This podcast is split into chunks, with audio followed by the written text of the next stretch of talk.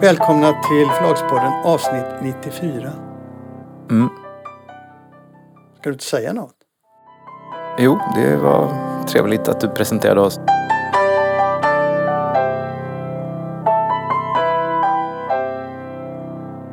En grej om bokrean. Jag satte mig ner och tänkte jag skulle gå igenom och se ifall det var några titlar som jag inte har köpt som har försvunnit från marknaden som jag skulle vilja ha. Samtidigt hade jag en annan tanke. Så jag gick igenom och tittade på uh, utgiv, uh, reautbudet. Och då slår det mig att om man är hardcore reajägare så kan man bara gå, då handlar det om Adlibris och Bokus. Inte antingen eller utan både och. Den som är riktigt hardcore, kolla båda. De har ju... Hardcore, den som är snålig upp med nu. Nej, den som Den verkligen... som måste ha bästa pris. Nej, det handlar inte om pris. Jag kommer till det. Det handlar om du vill veta vad det finns för böcker. För en hel del av de böckerna du hittar på Adlibris och Bokus är ju... Eh, alltså det är ju så, det vet ju du. När du går till... Börjar med din rea-erbjudande så köper ju inte bokhandeln alla böcker som du vill släppa ut på rea. Däremot så Nej. köper ju nätbokhandeln de flesta titlarna.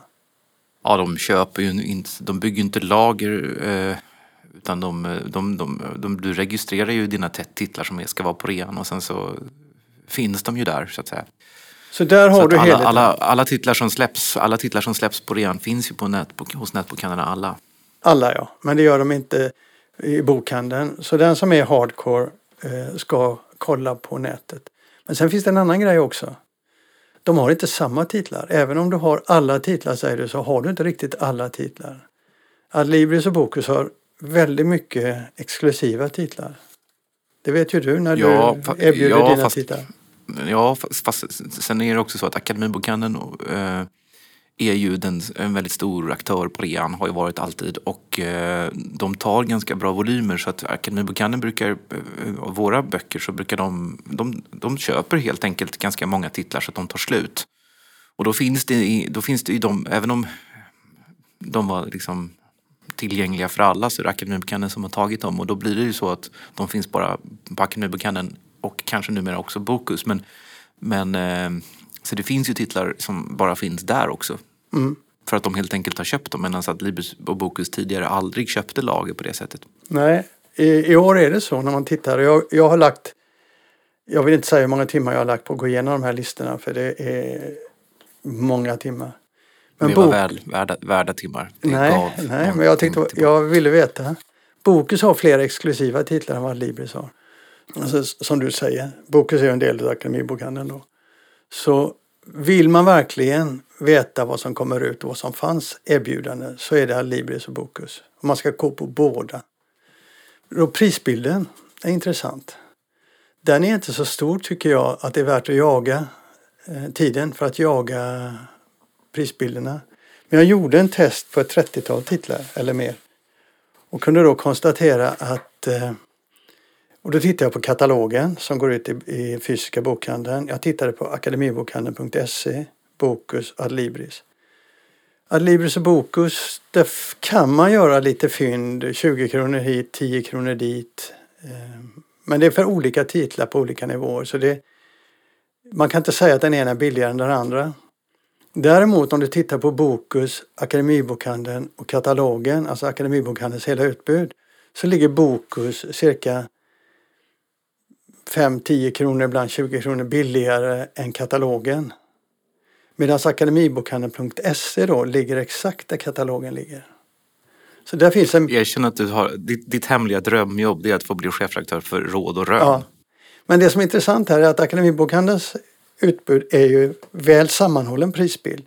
Det finns ingen som tittar på de här priserna som kan bli irriterad på prisnivån tycker jag. Och det finns inte så mycket att göra. Men det är klart att du kan få ihop ett par hundra om du, hundralappar om du köper mycket böcker. Om du kollar mellan Libris och Bokus. Men det är inte värt det, det är tiden om du är nöjd med katalogen som går. Nej. Um jag såg en bokhandel som hade en väldigt rolig och annorlunda rea och det var Bok och bild på Drottninggatan. De hade 623 titlar från ett enda förlag. Modernista. Ja, precis. Det är en annan grej jag har sett när jag har gått runt. Jag tror modernist... Det, nej, men det, det, det måste jag säga, det tycker jag är jättekul. För att, eh, inte bara för att Modernista har en bra utgivning utan för att det, den, den, den skulle man vilja besöka den rean och se de här 623 titlarna. Eh, och de finns säkert, några av dem finns ju säkert i övrigt men väldigt många av dem där har nog bara bok och bild. Så det, det tycker jag är originellt grepp. Ja, det är väldigt, väldigt, väldigt roligt grepp faktiskt. Men den har jag inte startat ännu så den kan du väl gå till om du vill. Ja, och jag vet att man även kan köpa alla bok och bildsböcker på deras webbshop. Jag gick in och, och la märke till just det du säger. Alltså, Modernista har en otroligt bred rea eh, katalog om man säger så. Alla mina favoriter gick på rea. Alltså de här deckarna, de här klassikerna de har. Eh, inte alla, inte exakt alla för de har säkert slut på en del. Men otroligt många. Så många av mina favoritförfattare går på rean i år, men de hade jag ju redan. Men det stack ut. Modernistas reabjudande stack ut, även på, även på Adlibris och Bokus. Och så såg jag många av dina titlar såklart. Det har jag märke till. Men eh, jag fick ihop en lista. Men favoriterna var hos Modernista. Nej, alltså deckarfavoriterna, det är ju olika favoriter för olika förlag. Men just de stack ut väldigt mycket. Men jag fick ändå ihop en liten lista Mm. på böcker som jag tyckte jag saknade i mitt bibliotek. Konstigt nog. Jag vågar inte säga något till Siri. Nej, Nej. säg inget. Men, så du får byta tjalla. Okej då. Ja. Det var det vi hade då.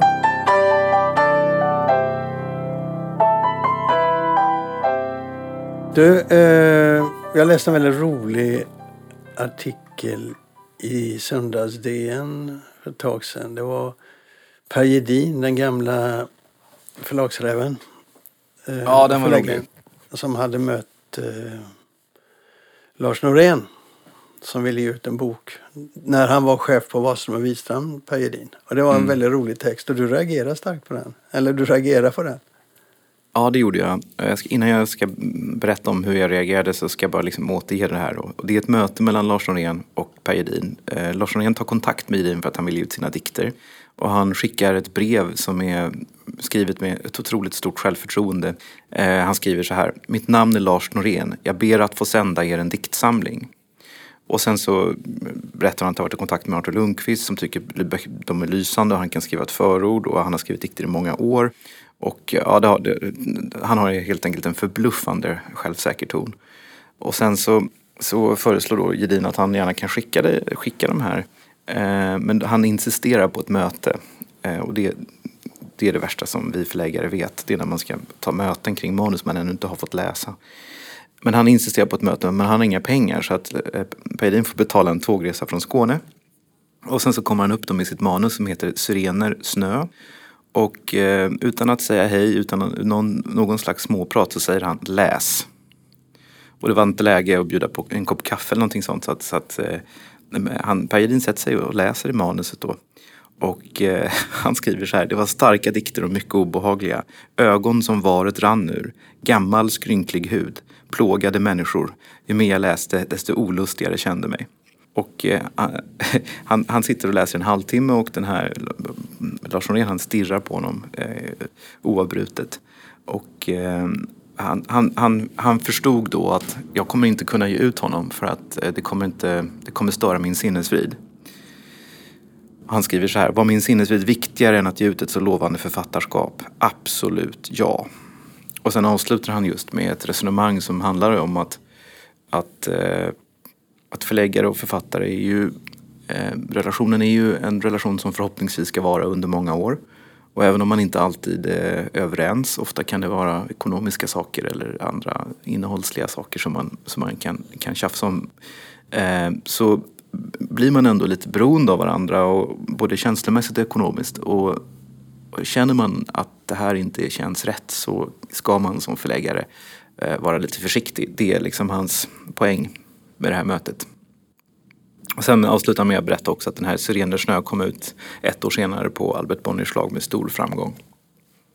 Ja, det var någon som inte uh, var så bekymrad för sin sinnesfrid i alla fall. Nej, kanske inte. Vem var det som var förläggare där? Kommer du ihåg det? Nej, ingen aning. Det här var ju eh, 62, så det vet jag inte. Men du tog det till ditt hjärta direkt, för det där kände du igen? Eh, jag tog det till mitt hjärta direkt för att jag kände igen det här. Ehm, och om det är någonting som jag har lärt mig under mina år som förläggare, en sån här insikt som man bara kan få av erfarenhet, så är det just att vara, att vara försiktig med att ge mig in i relationer med författare som är ehm, ja, som har allt för, antingen allt för stora förväntningar eller som har sidor som man, man, som man, känner, man känner obehag inför. Eh, jag tror alla förläggare som lyssnar på det här kan känna igen sig i att man har haft några kontakter under årens lopp som, som har stört sinnesfriden och det är det inte värt. Jag har verkligen blivit bra på det där, att försöka undvika sådana människor. Det finns många exempel som, som jag inte kan ta på grund av diskretion men jag, jag, för något år sedan så fick jag ett mejl eh, av en författare som jag inte kände till. Kanske att namnet var vagt bekant men jag kände inte till det. Och han skrev till mig att eh, vi har en gemensam bekant, det är eh, X. Och X har sagt till mig att jag ska skriva till dig och det är så att jag bor i Skåne men kommer åka upp till Stockholm i, eh, om, om en månad på torsdagen den 24 februari. Och då vill jag träffa dig klockan 15 och diskutera mitt framtida författarskap. För jag har nämligen för avsikt att byta förlag och då kan du förklara för mig hur du ser på mitt författarskap och mina möjligheter hos dig. Och det, han hade tydligen sålt då ganska bra. Och det där är en sån där mail som hade jag fått det för 15-20 år sedan så hade jag tagit det där mötet. Men idag så, så eh, inser jag att eh, det där är bara upptakten till eh, bekymmer. Så att jag, jag svarar vänligt och ärligt att jag helst inte tar möten ehm, om, i synnerhet inte om jag ska tala om ett författarskap som jag inte läst utan att man börjar med att jag läser och så kan vi höra sen. Och han blev så kränkt så han svarade inte ens. Jag har sett flera reaktioner på det här. Jag har sett på, på Facebook var det någon som skrev att eh, vad fint det var förr. Hoppas, hoppas det är någon som fortfarande bryr sig om eh, liksom, personkemin. Och det tror jag verkligen att förläggare gör idag. Eh, sen är det kanske inte alltid som man kan ha möjlighet att, att, eh, att förhålla sig till det på det där sättet. Men eh, jag såg också eh, Marianne Lindberg hon skrev en väldigt arg artikel i Expressen där hon kallade den här texten av Pajedin för en av de mest smaklösa nekrologerna. Och eh, så här skriver hon, citat. Han valde sin sinnesfrid som kunde störas i umgänget med en ung konstnärs själ framför att låta ny och spännande poesi möta världen. Hon kallar det vidare för en kokett bekännelse som sätter den bigotta svenska förlagsvärlden i blixtbelysning. Och det, ja, jag, jag tänker så här när jag läser det att Ehm, hon är ju själv konstnär och författare. Eh, för övrigt är hon också väldigt god vän med Lars Norén eh, som förekommer rätt mycket i hennes senaste bok. Eh, men hon är konstnär och för henne så blir det liksom konsten som ställs, den, den, liksom, den skapande konstnären och den unga sökande konstnären som ställs mot eh, liksom den kapitalistiske förläggaren, utsugaren, som hon, som hon nämner också gallerister i det här sammanhanget, som lever på konstnären. Eh, och som då inte kan tänka sig att göra uppoffringar för konsten. Och det, det, är ju verkligen två perspektiv här som kolliderar. Men eh, vad jag gillar med eh, Gedins inställning är ju att, att eh, det, och, och det, det, det, är något som alla förläggare eh, upplever, det är att man jobbar kanske med konst och litteratur men man jobbar också med människor. Och att det det, det, liksom, det, någonstans ska det funka på det mänskliga planet också. Mm. Han, hans poäng var ju verkligen en annan än, än, än, hon läser ju in någonting annat i det här. Ja, hon var på krigsstigen där. Ja. ja. Hon var på krigsstigen. Men jag, jag, kan ju dock inte komma låta bli att nämna Elisabeth Åsbrinks eh, beskrivning av vänskapen med Lars Norén. Känner du till det? Hon skrev ja. en rätt rolig text om det. Ja, jag läste. Ja, han, eh, för de som inte känner till den så kan jag bara beskriva. Eh, hon skrev också i DN en text som handlade om hur hon gick från att vara hyllad i hans dagböcker till att bli hatad i hans dagböcker. Och eh, helt plötsligt när de sitter en varm sommardag och dricker kaffe så säger han så här. Jag ska nu säga något som smärtar mig mycket. Vi kan inte vara vänner mer. Och då undrar hon naturligtvis varför. Då säger han så här. Det beror på DNs hållning i NATO-frågan. Jag kan inte acceptera den. Och då hör det saken att hon jobbar inte på Dagens Nyheter. Hon har skrivit lite krönikor utan någon slags fast ersättning eller fast eh, anställningsförhållande. Så hon undrar hur, hur det kan komma sig och om, om, hon, om han inte möjligtvis är intresserad av hennes hållning i NATO-frågan. Och då svarar, svarar han att den spelar ingen roll. Eh, genom att du skriver för DN legitimerar du deras hållning. Därför måste vår vänskap ta slut nu. Som sagt, det smärtar mig mycket. Men där går vi inte in va? Där går vi absolut inte in men jag, jag bara menar att det, är en, det, är fantastiska författare och stora konstnärer behöver inte alltid vara så lätta att umgås med och det betyder ju inte att man måste ta all skit. Nej. Inte ens som förläggare. Nej. Mm. Där kommer nog eh, topplocket att gå på en och annan som lyssnar, tror du inte det? Tror du det? Ja, det tror jag hoppas det. Det var väl inget kontroversiellt i det där?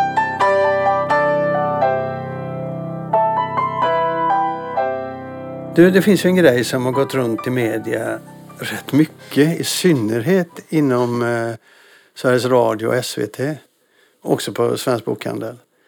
Det är den här frågan om, om manustjuvarna, alltså de som eh, tar kontakt med förlagen under falska förevändningar och försöker komma åt ny, nya manus. Mm. Och eh, både du och jag har lyssnat på de här inslagen och, och eh, egentligen undrat vad handlar det där om? Varför gör man inslag om det här? Man har ju inget svar på frågorna. Nej, det har ju blivit väldigt stort och vi har ju fått frågan om varför vi inte vi tar upp det och det har verkligen engagerat. Många har skrivit om det på Facebook och Författarförbundets ordförande har gjort något liksom offentligt uttalande och sådär. Jag tycker att det är lite märkligt med tanke på att hela, hela eh, historien är så bizarr och, och som det verkar inte oskyldig men det finns liksom ingen, ingen, ingen skada här. Det är ingen som kan tala om vilken skadan är men det är klart att den har väckt uppmärksamhet hos eh, förlag och agenter som ju har fått skärpa upp sina strukturer för att inte bli lurade och skicka iväg eh, författares manus eh, till folk som inte har med det att göra. Och en del av de här banditerna, om man ska kalla dem, har ju gått rätt långt i, sina försök. Men ingen fattar varför. Ingen fattar vad finns nyttan med det här? Vad, finns, eh, vad ska de göra med de här manusen? Vi pratar om svenska manus på den svenska marknaden. Eh, så det finns ju ingen internationell... För de, för de få lyssnare och förlagspodden som inte vet vad vi talar om kanske vi bara kort ska säga att det har alltså förekommit då att eh, svenska agenter och förlagsagenturer eh, har fått mejl från Eh, andra agenter som vill ha då de här svenska författarnas manus och de har då påhittade mejlkonton som ser väldigt trovärdigt, som ser trovärdiga ut och som påminner väldigt mycket om, om existerande agenter och sen så ber de om att få, få eh, kan ni skicka över den senaste manus och sådär. Och det märkliga med det här då är att det sker väldigt nära in på utgivningen. Och I början så var det bara väldigt stora författarskap men nu är det även rätt okända författare och det sker väldigt nära in på utgivningen där de här liksom, manusen ändå inte är någon slags hemlighet. Så det finns liksom inget, det finns, det, det finns liksom inget ekonomiskt värde för dem i att ta det här manuset. Nej, alltså det som är intressant också är att de har de verkar ha lagt ner rätt eh, stor möda, eh, bemödat sig om att ha rätt lingo, alltså rätt språk, rätt ton, rätt eh, nyans i sina mejl och så, vilket ju kan vara problematiskt om man inte kan eh, branschen. Så att eh, det är lite skumt. Det är lite skumt. Eh, kan du se någon, någon eh, affärsmodell här? Något som gör att det finns en vinst att hämta för de här eh, bedragarna? Nej, alltså en, en vinst skulle ju vara om man liksom tar de här pdf-erna och ger ut böckerna illegalt någonstans, lägger upp dem på någon sajt för, för liksom fildelningssajt. Eh, det vet jag inte om det har förekommit. Det, det, har inte rapporterats om, det borde ju ha grävt i i så fall. Men eh, Eh, varför man då lägger ner så mycket tid på att försöka få tag på relativt okända författares manus så nära in på utgivningen när man ändå kan i så fall eh, få tag på den legalt och sprida den vidare på något vis. Det, det är för mig lite, lite oförståeligt. Nej, jag, jag, kan inte riktigt se det faktiskt. Det känns ju som att det är någon som vill, vill spela någon ett spratt här. Men det har ju fått eh, oproportionerligt stor uppmärksamhet och nu talar vi om det i Förlagspodden dessutom. Ja, det intressanta är att massor av journalister har gått på den här frågan och ingen fattar vad det handlar om. Jag förstår inte varför de gör massa artiklar om det här när de inte kan svara på frågorna. Jag kan bara se en möjlighet och det är att man använder de här manusen och kör dem i, eh, i mm, automatiska översättningar och lägger ut dem på den asiatiska marknaden, den ryska marknaden som är mer svårgenomtränglig för oss här. Ehm, och ehm, då så att säga erbjuder lyssnare eller läsare att läsa dem mot betalning. Men det är så mycket jobb. Som du säger, man kan lika gärna ta ett manus, eh, färdigt manus, en färdig bok. Mm. Fotografera av den eller, och sen göra en eh, automatöversättning. Nej, det, det, det är väldigt konstigt och det är väldigt mycket jobb och Uh, uppenbarligen så är det ju en, um, om det, det är svårt att veta om det är olika aktörer eller om det är en och samma aktör. Jag skulle tro att det är en och samma aktör men, men uh, Lin, Linda Altroberg uh, hade ju svarat en av de här agenterna att när de vid, efter upprepade tillfällen hade påmint henne om att hon inte hade skickat ett manus så hade hon svarat någonting i stil med Dream On och då hade hon svarat Hoppas du dör i Corona på svenska. Ja. Så att det talar väl också kanske lite grann emot din teori som ändå är, kanske är väl den mest sannolika. Ja, ja, ja nej, jag, som sagt jag, jag ser ingen, ingen eh, vinst. Det är mycket, mycket skrik för lite ull där alltså. Ja, ja, vi fick frågan om vi ville ta upp det i podden men vi eh, kan ju inte egentligen tillföra någonting. Så jag, jag klipper igenom där så ser jag om det är någonting. Alltså någonting. Mm. Vi släpper det. Ja.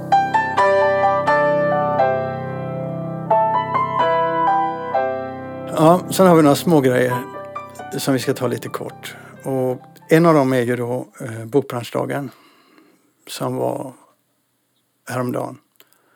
Där eh, man, den är ju en gång varje år och nu var den helt digital. Och den utgår ju från den här bokstatistiken som media redan har pratat om upp och ner flera gånger. Och hela den här tillställningen var ju erbarmligt tråkig. Mm. Jag fattar inte vem den är riktad mot. Och när den är riktad mot branschen så innehåller den på tok alldeles för dålig, låg nivå. Därför att de flesta som tittar på den vet mer än den som sitter och ställer frågorna.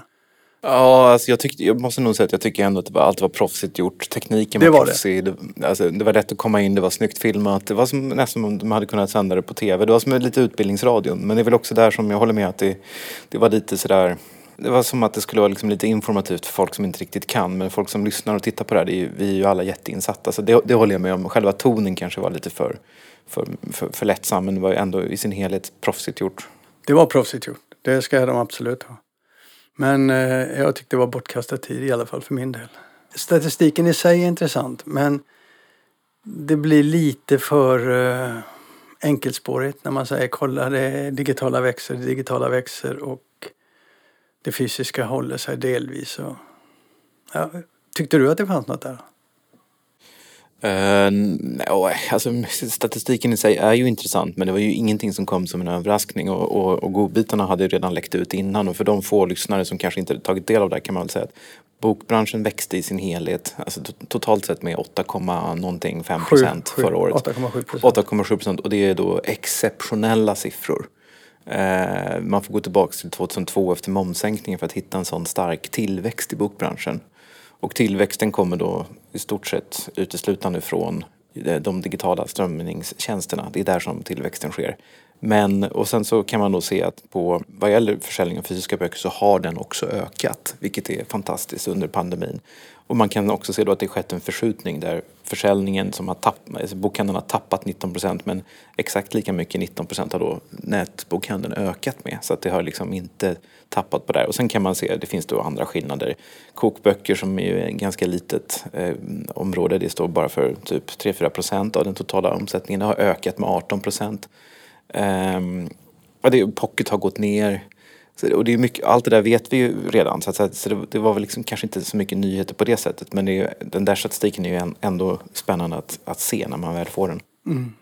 En annan sak vi behöver prata om det är ju Akademibokhandelns årsrapport får man väl kalla den som har gått ut. Mm. Där ägarna Volati berättar hur året har varit och planerna framöver. Och där skriver de det mest intressanta de skriver. Vi kan lämna årsredovisningen eller årsrapporten åt sidan vad det gäller siffror bara så länge. Och, och det mest intressanta är ju att man tänker börsintroducera Akademibokhandeln. Man säger att man funderar på det mm. i den årsrapporten. Men så läste du i Dagens Industri en liten kommentar. Ja, i eh, lördagens Dagens Industri så kom det en, en artikel som var lite förvånande med tanke på den information som hade kommunicerats tidigare. Eh, för enligt den här artikeln då, så framgår det en intervju med, med eh, Patrik Wallén som är styrelseordförande och en av huvudägarna i Volati. Så eh, handlar det inte om att man kanske eventuellt kommer att, utan här säger han helt enkelt att man kommer att börsnotera eh, Akademibokhandeln och dela ut Akademibokhandeln till ägarna. Ja, kan du inte bara läsa upp det citatet då så våra lyssnare hör det? Akademibokhandeln har varit och är en fantastisk investering och eftersom vi delar ut det till ägarna hamnar ungefär 65 procent hos Kalle, Pärlhagen, grundare och styrelseledamot i Volati, Reds anmärkning och mig. Så vi blir inte på något sätt av med det här, här utan tvärtom får vi förmånen att behålla det. Slutcitat. Och det är då Patrik Wallén som säger till Dagens Industri. Mm. Så det verkar ju ganska klubbat och bestämt att man ska göra så här. Ja, men det hade man känslan också när man läste alla halvbackarna som han drog fram. Jo, jo. Men varför tror du de gör det här? Jag tror att det finns två förklaringar. Ehm, jag hörde i, somras, eller för några månader sedan, så hörde jag en intervju med Patrik Wallén i någon podd. Och i den där podden så fick han eh, eh, frågor om Akademibokhandeln om de Volati verkligen skulle äga det. För att retail har ju inte varit så populärt att äga. Det, det är ju, ja, i investerarsammanhang så är det ju liksom det, en typ av, av, av, verksamhet som han vill undvika. Eh, och han eh, svarade då att han var lite trött på den frågan, att han fick den väldigt ofta. Och han tyckte att Akademibokhandeln var, Akademibokhandelns grupper var missförstått. Eh, och betonade liksom deras långsiktiga engagemang och sådär. Men man förstod där att det här var liksom eh, en, en grus i skon så att säga. Och det säger han ju också i den här intervjun att, att Volati kan utvecklas bättre utan utan Akademibokhandeln för det är ett ganska missförstått bolag och sådär. Så det, det, tror jag är liksom en del, att man vill renodla själva Volati där Akademibokhandeln har varit lite för stor, tagit en lite för stor plats och eh, kanske sänkt värderingen på hela, hela gruppen å ena sidan. Å andra sidan så tror jag att man man tror att man ändå kan få upp kanske värdet på Akademibokhandeln med den här starka då digitaliseringen som har skett. Eh, med, med en enorm kraft och tillväxt som har varit så kommer kanske investerare att se ett annat värde i Akademibokhandeln på det sättet. Det är ett väldigt också publikt bolag, alla känner ju till det. Mm. Eh, så jag, tror att det, jag tror att det är de två skälen till det här. Ja, jag tror, jag, jag håller med om det sista där för att jag tror inte att de kan hitta en bättre situation för att eh, växla ut eller alltså gå in på börsen med företaget. Därför att så som det är uppvärderat idag, om du tittar på 2020 års siffror där den digitala sidan, som ju inte har varit så stark under de här åren men som i år har växt explosivt. På årsbasis har de ju en, en tillväxt på digitalt både på Bokus och akademibokhandeln.se på 40 procent och sista kvartalet på 66 procent. Mm.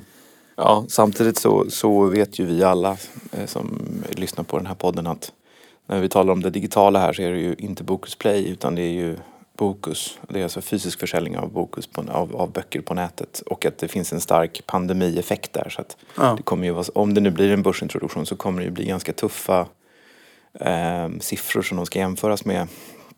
Vad de gör är att de, de, de delar ut aktierna i Akademibokhandelsgruppen till sina befintliga aktieägare. Så det är ju ingen som tjänar någonting på den här transaktionen utan det är bara det att man flyttar ägandet från man delar ut det till aktieägarna så att de, de, de som de stora ägarna i Volati det är Carl Perlhagen och Patrik Wallén. De äger tillsammans 66 procent och de kommer då äga 66 procent av Akademibokhandelsgruppen. Sen kan ju de välja att sälja de aktierna men det sker ju ingen, det sker ju ingen, det sker ju ingen skillnad här utan det är bara det att man, man, man särredovisar Akademibokhandeln och hoppas att det kanske på så sätt ska få upp värdet och att Volati kanske också ska få upp värdet. Men det är ju inte så att det sker, det är inte någon som gör, gör sig en hacka på det här.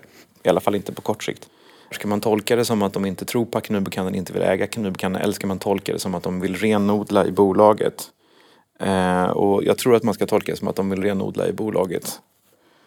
Och att eh, en, liknelse, en liknelse man kan göra är ju den med, eh, med Kinnevik och Zalando. Kinnevik har ju haft Zalando som ett innehav och det har blivit väldigt stort och, och eh, står för en alldeles all för stor del av deras portfölj och där har man valt att dela ut det och det verkar ju som att exempelvis Kristina Kinnevik kommer behålla sina Zalando-aktier så det, det, jag tror inte att det är så. Mm. Men sen, man hoppas ju bara att det ska bli bra hur den blir och eh, en börsintroducering kan ju bli jättebra. Eh, sen vet man ju inte vilka som blir huvudägare och sådär men det, man skulle kunna tänka sig att det blir en folkaktie. De har ju en miljon medlemmar eller någonting sådär i sin kundklubb. Det är helt otroligt. Tänk om alla, alla Akademibokhandelns medlemmar i kundklubben köpte en aktie. Det hade två, varit rätt två, kul. Två miljoner. Ja, Ja, två miljoner. Ja, ännu, ännu roligare, ännu bättre. Ja. Så det, finns, det kan ju bli något jättekul av det. Men eh, det har, jag tycker att Akademibokhandeln har köpts och sålts eh, väldigt mycket de mm. senaste mm. tio, tio åren. Och man önskar all, alla som jobbar där lite, lite arbetsro. En sista grej då och det är ju då eh, Storytel. De har också kommit med en årsrapport kan man säga. Och redovisat 2020. Det har också pratats i andra medier tillräckligt mycket om det. Men en sak som intresserar mig extra mycket det är deras eh, aktieägar, brevet till aktieägarna där de skissar upp eh, sina framtidsplaner. Och det tycker jag är intressant för att det där kan ju ofta vara, ska man säga, önskedrömmar. Mm. Men eh, om man tittar historiskt på det så har de ju varit väldigt försiktiga. De har haft stora, stora anspråk och de har haft eh, fantastiska visioner. Och de har levt upp till dem? De har levt upp till dem. Och det tycker jag är väldigt viktigt att ha i bakhuvudet när man läser den här för den är ju rätt eh, den är rätt maffig, eller hur? Mm. Ja, verkligen. Idag finns den till exempel på eh, drygt 20 marknader i världen och de räknar med att inom tre år fram till slutet på 2023 så ska de vara på ytterligare 20 marknader. Ja, det är mycket. Jag håller med, det är kul. Det är imponerande faktiskt. Och sen har de en annan grej som de pratar om också. Det är att, att varje land ska vara eh, lönsamt inom fem år. Utom i Nederländerna, där tog det sex år. Sex och ett halvt? Ja. Det är intressant att man klarar det ja. på fem år. Och det förklarar ju också en sån, en sån stor tillväxt, en sån gigantisk eh, hunger så att säga. Den sätter ju sina spår i, eh, i siffrorna. Så de, de går ju med förlust. Och de kommer att gå med förlust i flera år framöver. Så länge de satsar så hårt. Men det, det, är inte det som är det intressanta, att de går med förlust, utan det intressanta är ju hur tillväxten ser ut, hur, hur vinsten ser ut. Innan man räknar bort kostnader och så. Mm. Och då, då, ser det väldigt positivt ut för dem. Jag tyckte det var spännande hur de liksom betraktar den övergripande marknaden. Ja, hur stor de marknad, räknar med. Ja, det är så jäkla mycket siffror de här. Man blir ju helt trött. Här. Eh, den globala marknaden för ljudböcker är för nuvarande värd 40 miljarder svenska kronor. Och Storytel uppskattar att den här siffran kommer att vara, den kommer växa då med 15 procent till 2030. Och de vill ha en stor, stor bit av den pajen. 15 procent årligen får du väl säga då? Ja, 15 procent årligen. Och eh, de räknar med att eh, eh, deras omsättning ska öka från 2 miljarder idag till 30 miljarder eh, 2030. Men eh, det, det är liksom den, analysen är ju att den underliggande tillväxten kommer vara så pass stark. Men en, ett, en, ett tillägg där bara. Det är ju när jag vet att jag själv eh, liksom var skeptisk till att det skulle kunna, att, att Sverige skulle, alltså exemplet Sverige skulle kunna, kunna upprepas i så många andra länder och min, min, eh, mitt resonemang gick ut på att Sverige var sedan tidigare en marknad där ljudboken hade varit väldigt stor. Vi hade en lång tradition av att lyssna på ljudböcker när Bonniers lyssnarklubb var som störst. Så de hade 250 000 medlemmar, någonting sånt. Eh, vi har haft, alltså, lyssnat på ljudböcker här jättelänge. Medan eh, liksom, man har inte den traditionen i alla länder även om man läser mycket. Och Finland var ett sånt där land när Bookbeat var först på, på den finska marknaden. De gick in här så, jag kan inte siffran nu, men det fanns väldigt lite titlar i Finland. Därför började ju eh, Bookbeat initialt att, eh, att eh, översätta ut egna böcker. Ehm, och det tog ganska lång tid men sen helt plötsligt sa det bara pang. Och idag är ju Finland en jättestark marknad. Så att trots att de inte hade den traditionen av att lyssna på ljudböcker som vi har i Sverige och i Norge så, så uppstod marknaden. Ja, det där liksom överraskade mig lite grann. Sen har ju Finland en läskultur och det kanske inte exempelvis medelhavsländerna har eller arabländerna har. Ehm, men eh, ja, det är kanske mer teknik än teknik eh, finns tekniken och finns det en läsande befolkning så tror jag att ljudböckerna har goda förutsättningar att bli väldigt stora.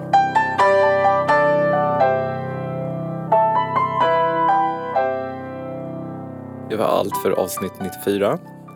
Exakt. Nästa vecka blir det ett avsnitt till. Just det. Hej med er! Hej då!